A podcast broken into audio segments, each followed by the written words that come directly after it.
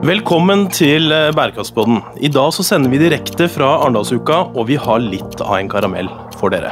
For vi har med oss eh, ja, en pensjonert Bjørn Kjos fra Norwegian og Sjur Gåseide fra Deloitte. Våre gjester er kunnskapsrike og har jobba med eh, bærekraft og økonomisk vekst i mange år, og vi gleder oss til å ha dere på besøk. Mitt navn er Kim Gabrielli, og jeg er assisterende generalsekretær i UNICEF Norge.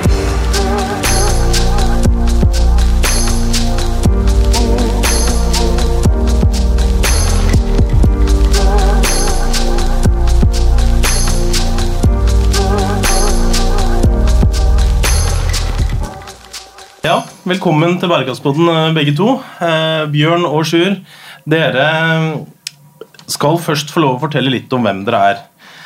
Og vi snakka litt om det i stad, Bjørn, at eh, du har ikke kjent noe pensjonisttilværelsen ennå? Ikke så mye, nei.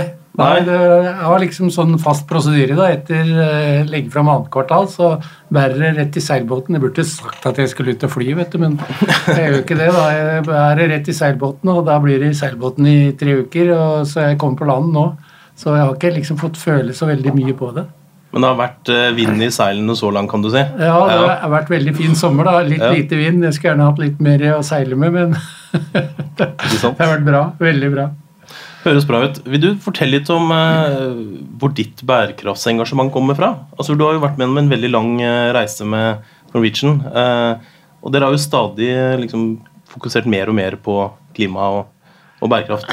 Ja, vi starta ut med det, det at alle, alle, skulle ha råd til å fly. Vi sa jo først i Norge, da, så ble det jo både Sverige og Danmark og Europa litt mer etterpå. så det var liksom alle skulle ha råd til fly, men så etter hvert så var jo det mer over på vi, Du får Vi ble jo oppmerksom, eller jeg i hvert fall ble det jeg det, oppmerksom på de klimautfordringene vi står overfor.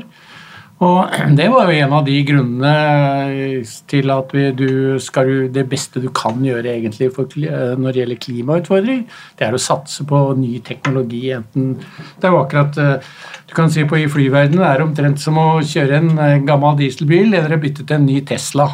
Det er egentlig veldig sammenlignbart eh, i eh, flyverdenen. Altså Du mener at dere har fått elfly nå? det er det du sier? Omtrent, ja. Nei, men altså, vi har, vi har greid å kutte inn utslippene våre eksempelvis med 30% de siste ti åra. Og vi er nå det de, som slipper ut minst per setekilometer over Atlanterhavet. Og vi er den største operatøren, utenlandske operatøren nå inne i New York og Los Angeles. Så med 37 fly som dundrer inn i USA eh, hver, på sagt, hver skapte dag omtrent. Eh, Dreamlinere. Så vi ser, har jo fått et ganske markant fotavtrykk. så Derfor så er det veldig bra å se at ja, du får ned utslippene per sete på, per passasjer som flyr. Du skal fortelle litt mer om det, men nå må vi også etter hvert. Men nå må vi få lov å gi litt plass til deg også, Sjur. Eh, hvem er du? Eh, du er ikke pensjonert? Nei, ikke pensjonert, og ikke er jeg så kjent som Bjørn heller. eh, jeg har nylig tatt over som daglig leder i Deloitte i Norge. Eh, og så er jeg vokst opp i selskapet, så jeg har jobbet som rådgiver i Deloitte i, i 30 år. Eh, så, så ny rolle, men, men en, i og for seg en, en gammel traver i, i, Deloitte som selskap. Men Kanskje du kan si litt om det? da, Hvilken, eh, Rundt dette med bærekraft, samfunnsansvar osv. Altså, det er klart Dere har jo lenge jobba med det vi, vi andre Eh, andre tjenester og eh, rådgivningstjenester knytta til det. Men hvordan er det med dere sjøl? Hvordan ser dere på bærekraft? Nei, altså, Deloitte er jo en global organisasjon. Vi er 300 000 mennesker og er et, eh, et stort system som har en ganske sånn langsiktig perspektiv på, på, på, det vi driver med. Og vi har et ganske ambisiøst det da, Jeg må jukse litt og snakke litt engelsk. altså På, på godt norsk som, som, vi da kaller for board purpose. Og det, og det, dreier seg om å vi sier 'make an impact that matters'. Og For oss så har vi konkretisert det og sagt at det er jo å gjøre en forskjell selvfølgelig for kundene våre, eh, men også for våre ansatte i deres liv og i deres karrierer. Og også for det samfunnet som vi bor og arbeider i. Og Det samfunnsperspektivet i vårt formål det bruker vi mye tid og krefter på å diskutere hvordan vi kan klare å gjøre en forskjell for de samfunnene som vi bor og arbeider i. Uh, og så har Det mange aspekter, men, men, da bærekraftsperspektivet har jo i løpet av de siste årene blitt veldig dominerende i, i, i, i forhold til hvordan vi kan gjøre en forskjell. Ja, for det er jo ofte sånn at Vi snakker om, vi kaster rundt oss med begrepet bærekraft. Eh, og Det hjelper jo egentlig ikke så mye å, snakke om eh, nå vi bærekraftsmålene innen 2030, hva er bærekraft? Men eh, vi må snakke om det konkrete. Men vi skal allikevel gjøre det. da. Vi er jo en podkast, vi må jo drodle litt òg. Hva er bærekraft for deg, Bjørn? Nei, Bærekraft jeg var jo innom den første pilaren, da, som er utslipp. Og den andre pilaren er jo liksom hva, hva kan du gjøre, hva kan du gi tilbake til samfunnet?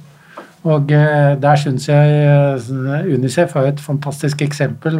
Det er veldig mye folk rundt omkring som eh, knapt vokser opp, ikke sant? som kjempestor barnedødelighet. Og de landene som vi har vært rundt omkring i, så er det Det, er, det gjør vondt å se. Og da ser du at det, det nytter å hjelpe. Det nytter å hjelpe. Og det er klart eh, der, eh, Det er den andre pilaren som, som, samfunnet kanskje en del bedrifter etter hvert Eller de aller fleste bedriftene etter hvert har blitt veldig oppmerksom på. Og som vi har jobbet sammen med UNICEF i jeg vet ikke hvor mange år nå. Vi har jo vært i mange rare afrikanske stater, de verste som fins. Så, så, de mest forferdelige, for å si det på den måten. er det noe som er noe som liksom, hjerte hjertebank som sitter igjen hos deg, eller er det noen vi som altså, Vi har ikke lyst til å sammenligne hvilken barn som har det verst, eller hvor UNICEF gjør mest, eller, eller Du skjønner hva jeg mener, men er det noen historier du sitter igjen med som, som Ja? Ja, jeg, jeg, sitter egentlig igjen med flere historier på, fra flere steder. Vi, sammen med UNICEF så velger vi ut egentlig de verste stedene i hele Afrika. Så hvis du spør Bjørn Kjos om de verste stedene, så kan han nevne opp flere av dem. Og nå jeg tenker på det verste som eh, der hvor det er størst fattigdom og mest, eh, ikke minst mest barnedødelighet. Det siste vi var i, eh, Tsjad, er nok det verste vi har vært i. Hvor du De lever alltid på sagt med IS omtrent som kommer inn på natta hver eneste sted, og hvor folk flykter i eh, ikke bare i tusentall, men i milliontall for å ikke bli slakta. Og eh, da kan du tenke deg hva som skjer med ungene. De, de, det, er jo, det er helt forferdelig, det som skjer. Unge, ofte så blir jo ungene bare forlatt, ikke sant? fordi det er ikke noen til å ta vare på dem. De voksne bare flykter. Og så, så det, det Shad var nok et forferdelig eksempel. Altså det er jo klart at Vi har sett en tendens i senere år at uh, antall konflikter og kriger det øker, uh, øker uh, veldig altså Siden begynnelsen av 2010-tallet så har det økt veldig. og Det er klart det er en direkte trussel for bærekrafts, å, å nå mål, bærekraftsmålene. I tillegg til at det vil koste utrolig mye penger da, å få helse og utdanning til alle. Så det er jo en Jeg vet ikke hvordan dere ser på det, Deloitte, eller hvordan dere opplever det, men det har jo vært en tendens til at liksom nå er det å gi penger til et formål en slags gammeldags eh, bærekraft eller CSR. Mm. Og vi mener vel at det er i hvert fall tre måter å gjøre det på. Vi må ha penger til arbeid som gjøres på bakken. Vi kan ta i bruk sånn som flyene til eh, Norwegian, altså deres tjenester og produkter som selskapene har, men også selvfølgelig at selskapene må endre på sin egen uh, kjernevirksomhet. Da. Hvordan, hva er deres følelse? Hva er det bedriftene opptatt av når dere snakker med dem? Ja, nei, Hvis jeg ikke snakker for oss selv først, så, ja. så, opplever jeg at det bildet du tegner er sånn som vi ser på verden også. Hvis jeg ser på dette litt i et historisk perspektiv, så er det ikke noe tvil om at går du en del år tilbake, så, så var vi klassisk samfunnsansvarsorientert og litt milde gaver og litt sånn omdømmeorientert. ikke sant? Og så har vi over tid blitt mye, mye mer bevisst på hvordan kan vi bidra til å skape en forskjell selv. Hvordan kan vi bidra til å, til å skape uh, forbedring uh, i et bærekraftig perspektiv der ute. Og det er klart at Vi, vi kan ikke stille med fly, uh, for det har ikke vi. Men vi har mange kloke hoder, og vi lever av kompetanse. Og, og, sånn sett så har jo et av de veldig klare målene som vi har sagt vi skal jobbe med, det er jo å bruke vår kompetanse til å, å bedre kompetansen og skape utdanning der ute. Ja, hvordan gjør dere det? Har du noen eksempler? Ja, altså vi har et, uh, Jeg kan ta et globalt perspektiv og så kan jeg ta et lokalt perspektiv. I en global målestokk så har vi sagt at vi har et mål som Deloitte å bringe 50 millioner individer ut av fattigdom. Og Det betyr at vi eh, tar det og bryter det ned i en hel masse prosjekter, hvor vi da går inn og, og jobber i lokalmiljøer og i ulike land med å se hvordan kan vi bidra til å eh, skape utdanningsinstitusjoner, eh, legge til rette for næringsvirksomhet, og gjennom det gi folk kompetanse og hjelpe folk inn i arbeid. Så Det er ett eksempel på en global basis. Og De 50 millionene det kommer vi til å klare. Dette er ikke svulstig ord, det kommer vi til å klare. Og, og I et lokalt perspektiv så har vi da tilsvarende uh, initiativer. at det er klart at Vi har ikke den, har ikke den utfordringen og den fattigdommen i Norge, men, men ta et par eksempler. Vi jobber med Kirkens Bymisjon i Oslo, uh, hvor vi har vært med på å skape egentlig en bedrift som heter Lønn som fortjent. Uh, hvor da de ansetter rusmisbrukere og andre som, som, har et krevende liv, inn i arbeid hvor de jobber med å lage notatbøker, en del enkle enkle gjenstander og, gaveartikler. og sånn. Og Vi har hjulpet til med å etablere den virksomheten, lage en forretningsplan som gjør at de kan gjøre dette på ordentlig, det er ikke bare tull. Uh, og hvor det i dag er en suksessfull bedrift med uh, flere titalls ansatte som da vi har klart å hjelpe inn et steg inn i, i arbeidslivet. Så det er et sånt konkret, lite lokalt initiativ. Har dere også jobba med noen av altså de ideelle organisasjonene ut, altså mer i eh, Ja, jeg ser du nikker før jeg Jeg vil ikke si noe mer. Ja, det, det, det gjør vi også. Så, ja. så da, mens, mens, Norwegian jobber med dere, så har vi de siste årene hatt et tett samarbeid med Leger uten grenser. Uh, og hvor vi da gjør pro bono-prosjekter for dem, kall det på deres kall det struktur, og hjelpe dem å bli mer effektive i måten å drive på. Og vi har også hatt folk ute i felt som da får permisjon fra sin jobb hos oss, og, og er si, ute i felt i perioder. Så det er også et tett samarbeid som på mange mange måter lignende på det dere beskriver, samarbeidet mellom Norwegian og, og, og Unicef. Men, men, vi kan ikke stille med fly, men vi kan stille med hoder.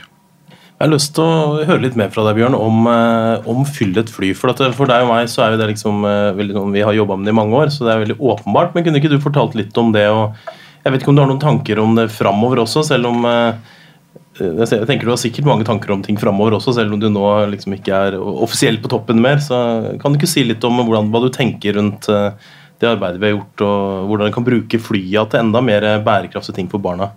Ja, Først skal jeg si at eh, det er utrolig hvor uh, egentlig uh, gavmilde folk er. Vi, uh, vi satte inn på websida vår slik at når du bestiller billetter, så kunne, kunne du donere til Unicef. Og, og, det eksempelvis norske folk er den største donatøren til Unicef, tror jeg det, gjennom eh, den websida. Det er helt fantastisk. Så, så, mm, og, og, det gjør vi kan fylle da et eh, fly med en eh, Vi har til og med fylt en Dreamliner. Vi dro til Djibouti vi, for å få inn i Jemen.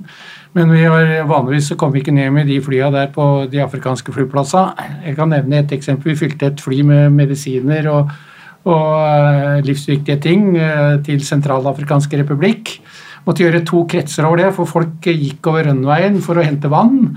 Så vi måtte først ha fri bane, og når vi landa der, så, så eh, bodde halvparten av Eller var ikke omtrent tre fjerdedeler av denne lille byen der. De hadde flytta opp til flyplassen, for eh, de hadde blitt jaga ut av IS i, eh, i hjemmene sine midt på natta. Og eh, jeg traff bl.a. ei jente som hadde gått på universitetet i tre år og hadde to år igjen på legeutdannelsen sin. Kunne ikke fullføre den, for hun måtte være i flyktningleiren som var inne på, rundt tårnet, for på tårnet var ei mitraljøse. Forferdelige ting. Også det gode i det. da. På denne flyplassen var det en masse gamle, forlatte fly. Og gjett hvor hun bodde hen! Inni de gamle, forlatte flya. Det var jo helt fantastisk for en eh, flyentusiast å se. Fly som var parkert, eh, som har stått der Det var 30-40-50 år gamle fly, vet du, med dobbeltdekker og osv. Jo, der var ungene var oppå vingene og overalt, ikke sant. Så eh, det var jo den gledelige ja, så det er mulig at uh, Kjos-familien nå får seg en, et fly på fjellet?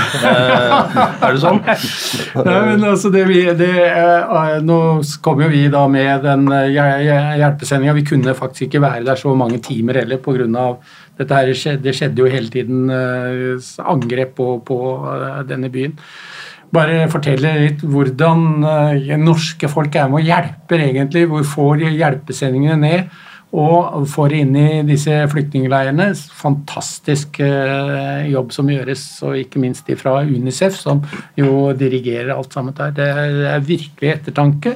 Og jeg kan si også det at jeg mm, kan ta med det samtidig, hva slags betydning det har for Norwegian fantastisk betydning. fordi folk, For det første så har vi nå folk fra alle verdensdeler som skal være med. Enten det er amerikanere, eller, eller det er spanjoler, eller det er, de er fra Sør-Amerika eller Nord-Amerika, holdt jeg på sagt, eller uh, de, de, vil være med på disse flyvningene, flyvningene der som, som, crew. Og vi får masse donasjoner på, også fra amerikanere eksempelvis, som vil være med og bidra til disse flyene og fylle disse flyene.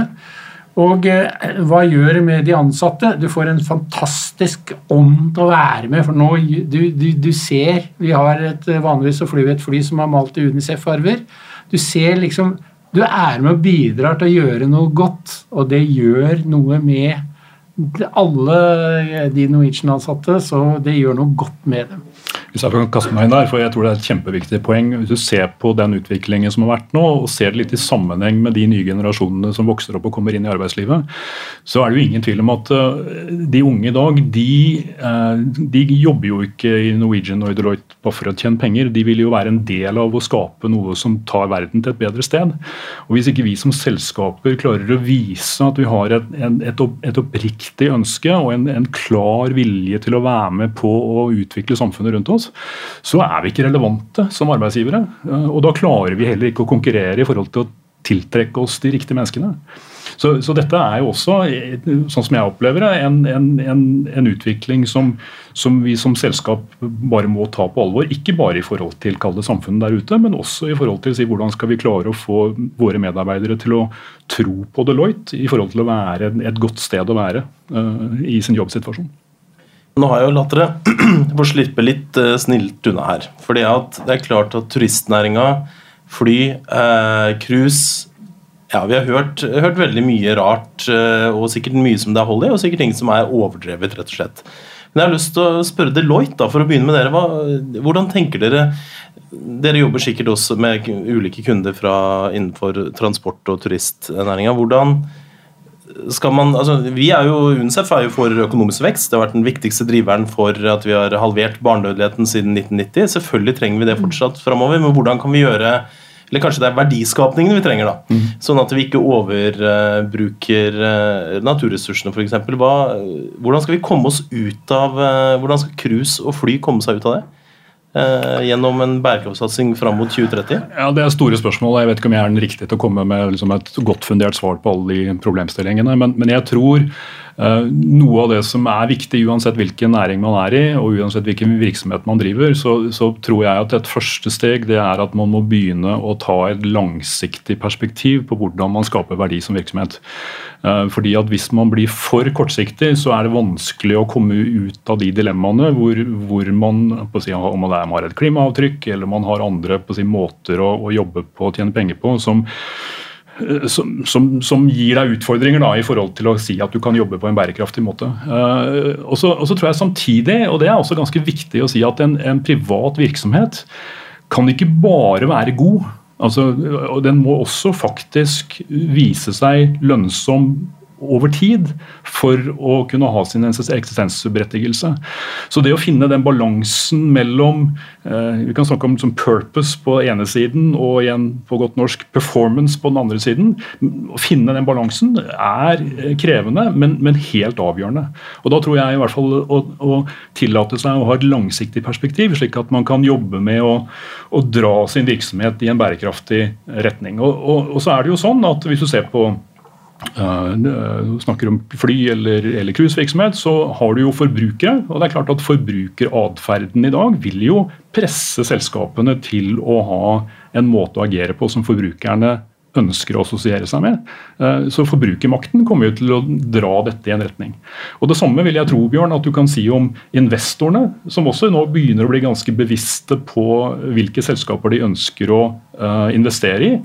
Ikke igjen fordi at de bare skal være det, gode, men også fordi de sier at vi må være sikre på at dette selskapet har en, en, en risikoprofil som ikke er for gæren.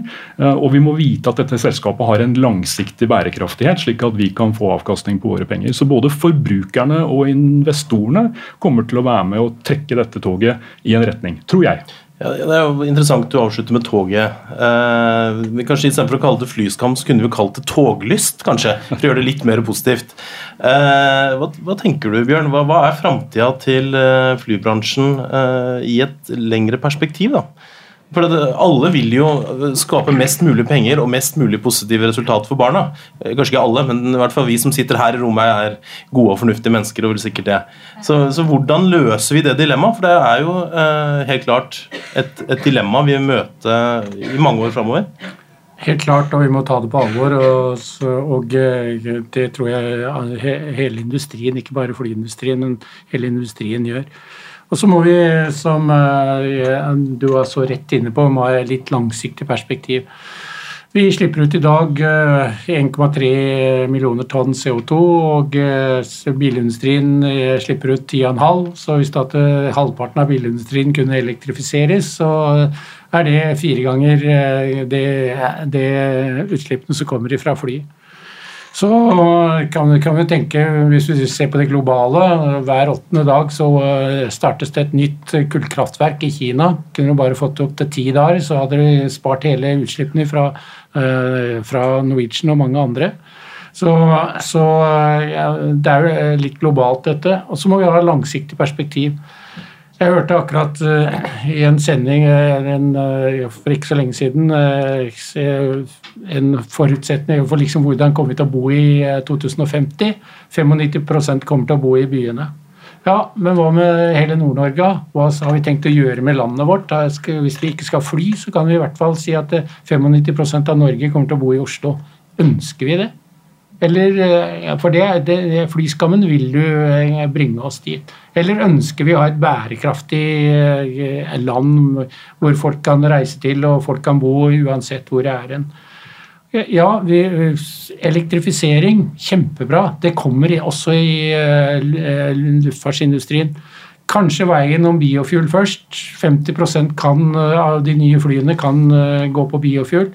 Vi kommer dit med elektrifisering. Per i dag så er det ikke nok Elon Musker inne og kan finne opp, finne opp det som skal til for å, for å, få tyngre fly elektrifisert. Vi kan få småfly eh, til å fly 20 minutter og sånt, og det kan vi greie med den teknologien som er i dag.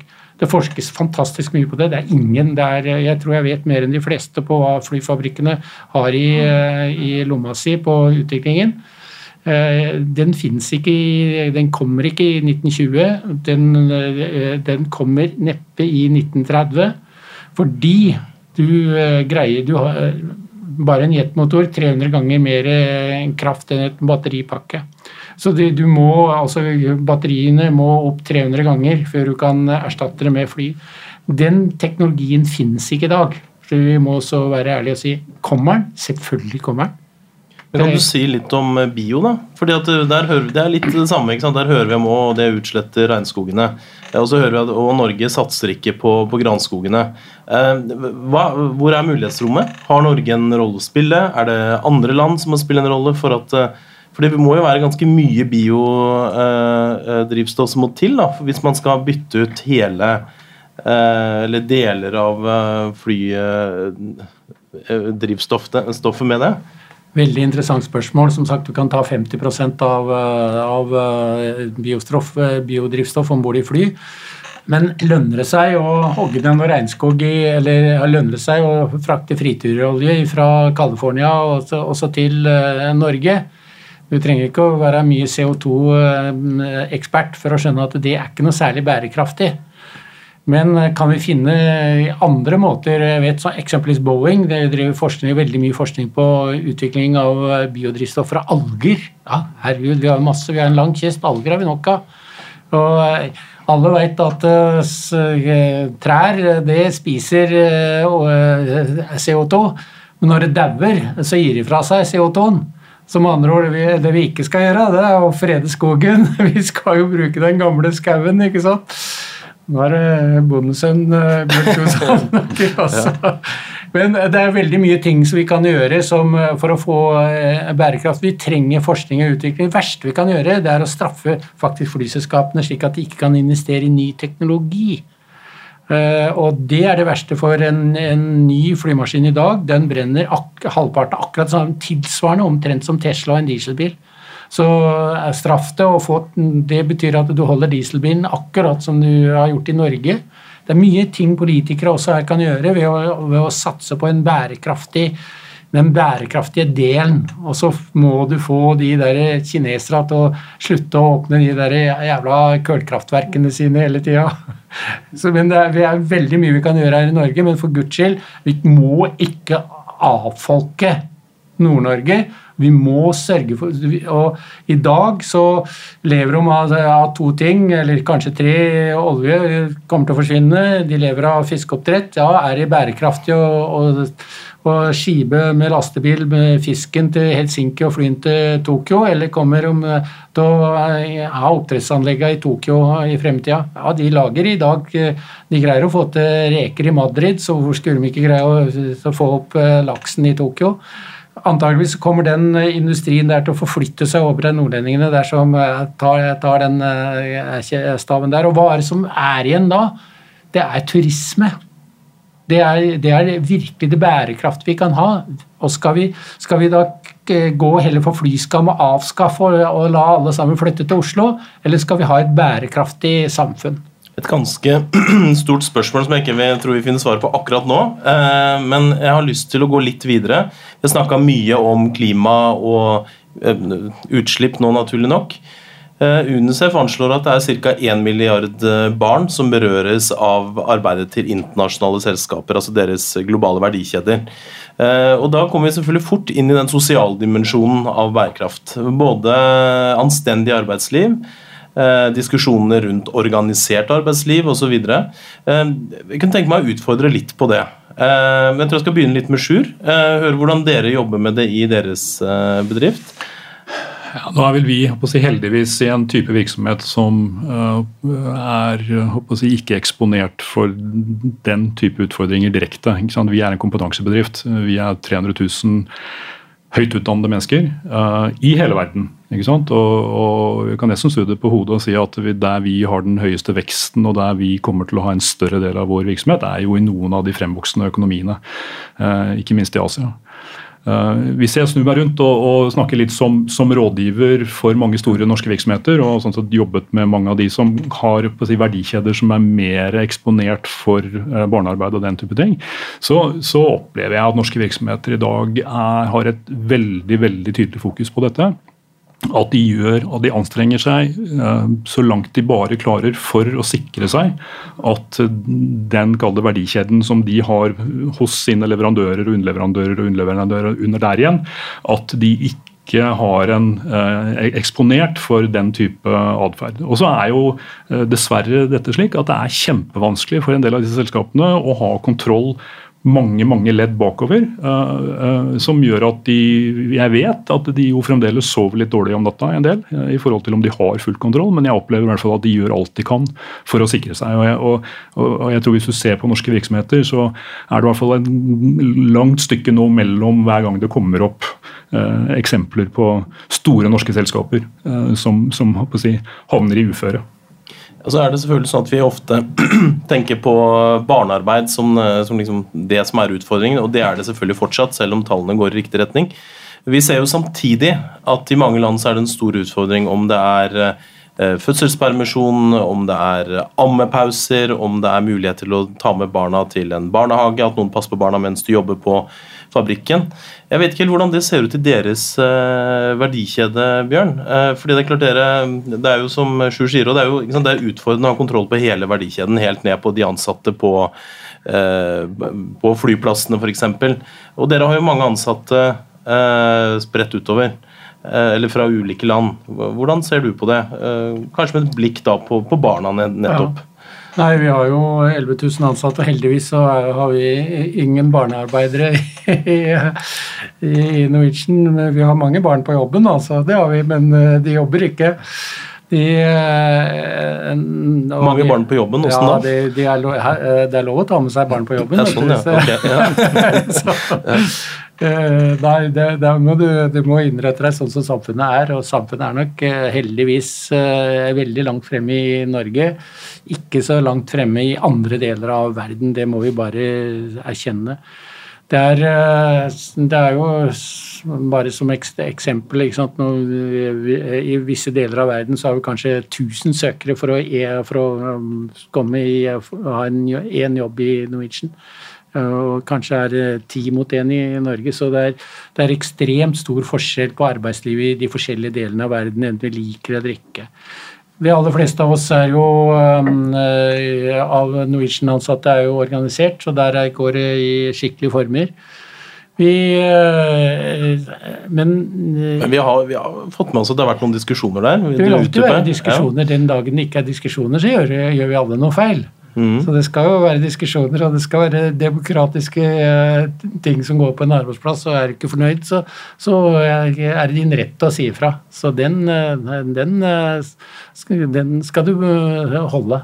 Og så må jeg si det at det er verdt Jeg er jo kjempeglad når jeg går om bord i et Norwegian-fly, og er, jeg syns det er verdens beste folk å jobbe med. Ikke sant? Nå skal vi snart begynne å gå inn for landing, men jeg har liksom en siste bolk jeg tenkte vi skulle touche inn på. fordi Det er jo eh, bare begrensa hva Norwegian kan gjøre aleine, eller Deloitte. Hvordan er det på det å samarbeide på tvers? Jeg husker I fjor så hadde Norwegian og, og SAS et arrangement sammen hvor dere så på liksom hvordan kan vi jobbe på tvers av bransjen. Og Dette er jo sikkert noe som Deloitte også jobber med. Dere, dere kjenner jo mange ulike aktører. Dere kan sikkert se at det er muligheter for et mye tettere bransjesamarbeid, om du vil. Om det er i turistnæringen eller flybransjen eller det kunne vært interessant å høre litt fra dere på det. Ja, for det, det, er litt, det, er kanskje ikke nok av det i Norge. Det er jo ikke så, det er klart, det er jo ikke så mange store flyaktører i Norge. Det er, kan du telle de på én hånd sånn sett. Eller på to fingre. Eller på to fingre. Uh, uh, men det er klart man kan jo samarbeide med Avinor, uh, andre som er tilknytta verdikjeden ja. rundt det å fly. Nei, er, jeg oppfatter jo at i, i, i, dag er det mye snakk om Vi snakker om økosystemer og vi snakker om liksom, partnere. så, så at generelt generelt sett at selskapene begynner å bli mer åpne og skjønner at de faktisk må samarbeide med andre fordi en del av utfordringene er så komplekse og store at du klarer ikke å løse det alene. ikke sant? Eh, og Da tror jeg jo at eksempler fra, fra, eh, flybransjen, at man tør å være transparente innenfor en bransje og tør å dele erfaringer, er jo kjempeviktig skal vi klare å ta de stegene fremover. Og så tror jeg også at i mange sammenhenger er kjempeviktig at man samarbeider på tvers av bransjer og på tvers av på de ulike aktører, fordi det der også er overføringsverdier, og man må jobbe sammen for å kalle løse problemstillinger som er litt større enn seg selv, for å si det på den måten. Så, så jeg oppfatter jo at trenden i dag er jo i retning av mer mer samarbeid og mer partnertenkning og mer økosystemer. Um, og, og, det, og, det, gjelder si, i forhold til kommersielle uh, løsninger og muligheter. Og det gjelder også i forhold til komplekse, vanskelige spørsmål som uh, det som er knyttet til kalde bærekraft og, og, hvordan man kan få en, si, en bærekraftig utvikling i det samfunnet som er rundt oss. Ja, jeg har jo eh, allerede sittet i to paneler jeg jo sammen med SAS og snakket eh, utslipp og hva kan vi gjøre med klima. Eh, og vi har ikke noe forskjellig syn på dette. Det, men skal vi få til noe, så kan vi ikke gå hver for oss. Vi må jobbe sammen. Hele bransjen må jobbe sammen. Og det gjelder ikke minst når det gjelder bærekraft. Og eh, vi har et, så vi har et veldig tett samarbeid. og SAS er en kjempefin eh, konkurrent å ha. det. Kan ikke, jeg ønsker meg en bedre konkurrent, så det er helt supert. Og de er ordentlige å snakke med òg. Vi er enige om eh, det aller meste når det gjelder bærekraft. Men Er det noen konkrete ting du kan peke på da, som du tenker at det kanskje er mulig å få til på sikt i samarbeid med andre aktører? ja. Det, ja. ja, vi jobber jo veldig eksempelvis biofuel. Ja. Så er det klart at eh, der, eh, der, har vi en felles ting. Vi ønsker alle å få biofuel til å virke uten at det er konkurransevridende. Det kan ikke være sånn at eh, hvis du flyr ut fra Tallinn og skal fly eksempelvis Oslo-London, og starter i Tallinn, så slipper du unna alt, for du, du fyller alltid Tallinn eller i eller i Estland eller i London og så slipper du unna alt som vi har i, eh, av eh, biofuel eksempelvis, som kaster noe eh, vesentlig mye mer i Norge. Så, så må være, vi må være veldig forsiktige med det må være like konkurranseparametere. Men det jobber vi faktisk sammen med i hele Europa. Så jeg er jo også inne et i et system hvor de store flyselskapene i Europa er med. og Vi har felles mål, og ikke minst når det gjelder utslipp og bærekraft. Der, der har vi felles mål. Alle sammen jobber for det samme. Men kommer det EU-reguleringer på dette? Nei, det vi håper, ja. vi håper jo at egentlig så er dette dette er, Vi kan ikke lage systemer som bare, som bare, treffer de europeiske selskapene. Ta eksempelvis langdistanse, hvor halvparten kommer fra USA, ikke sant, over Atlanterhavet. Du vil jo utradere den europeiske delen hvis det, det, gjelder for Europa, men ikke for USA. Så det, dette må jo gå i, en, i en FN, et FN-system. Som, og, og, og, det jobbes det veldig aktivt med gjennom et forum som heter IATA så, og, vi jobber eh, i Europa, vi jobber worldwide for å få med på dette. Og så er det litt vanskeligere, da, politisk litt vanskeligere i enkelte deler av verden. Det er ikke til å komme fra noe tilføye, Sjur? Ja, jeg kan nevne et, et, eksempel uh, i forhold til dette med konkurrenter som faktisk jobber sammen. Altså, vi har jobbet sammen med mange av de største operatørene i Nordsjøen, som jo har et, et, en, en miljø- og klimamessig utfordring rundt deres bransje. Men for å finne samarbeidsløsninger som, som egentlig er å lage en delingsøkonomi utenfor kysten i forhold til mange av de, de, operasjonene og den type, det som inngår i hele den verdikjeden.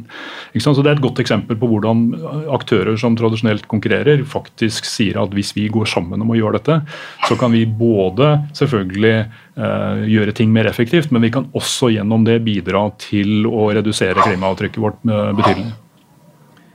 Da har vi litt tid igjen, og jeg vil gjerne høre fra dere. Hvis dere skulle gjort én ting da når det gjelder barns rettigheter eller barns eh, levevilkår, om dere vil, hva, hva tror du, hva skulle det vært framover?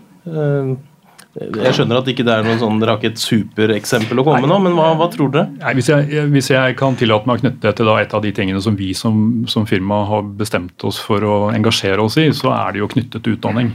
Eh, at jeg tenker at Noe av det som gjør uh, samfunnet vårt mest bærekraftig i et langt perspektiv, det er jo at vi klarer å få største størstedelen av befolkningen kompetente nok til at de kan bidra i et arbeidsliv, og gjennom det være å skape verdier, redusere forskjeller og ulikheter.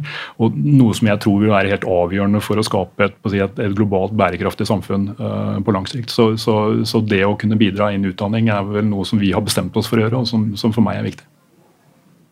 Ja, altså å, Det er jo helt åpenbart at det, at det greier, å få et, greier å få folk ut av fattigdom, så, så, så bedrer du eh, alltid fra eh, bedre økonomi for alle. Og det viser seg jo det at da, da avtar befolkningsveksten nå.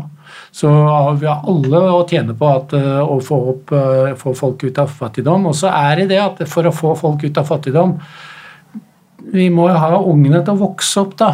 Så vi må passe på at de vokser opp og, og ta hånd om dem. For det er den generasjonen som jeg tror vi skal satse på fremover. Det er fælt å si det, men eh, det er vanskelig. Du skal ikke satse på sånne 70-åringer som meg, vet du. Du skal satse på sånne som er eh, før i helt, Du skal ta dem helt ifra de er unge og få de opp og få de på, på skole og få de utdanna.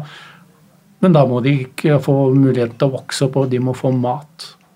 Dette synes jeg var en god avslutning på dagens eh, podkast. UNCEF sitt oppdrag er jo nettopp å bidra til at barn får overleve, vokse opp og utvikle sitt eh, fulle potensial. Mitt navn er eh, Kim Gabrielli, jeg er assisterende generalsekretær i UNCEF Norge, og vi har hatt Bjørn Kjos og Sjur Gåseide på besøk. Hvis du vil lære mer om bærekraft, så kan du gå inn på uncef.no slash bærekraft med æ. Og det var slutten på dagens pod.